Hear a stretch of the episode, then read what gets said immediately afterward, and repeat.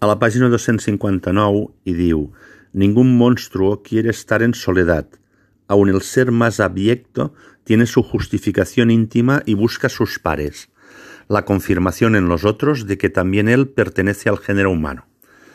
Bé, eh, sobre el tema de la pedofília, jo crec que hi ha un factor que és la diferència de paràmetres eh, que podem tenir eh, avui dia en la nostra societat en relació a l'època doncs, amb la que va viure Lewis Carroll. Tot i amb això, eh, crec que no, això no haig de ser jo qui ho jutgi. Hi ha, doncs, eh, suposo, gent que pot carregar més les tintes.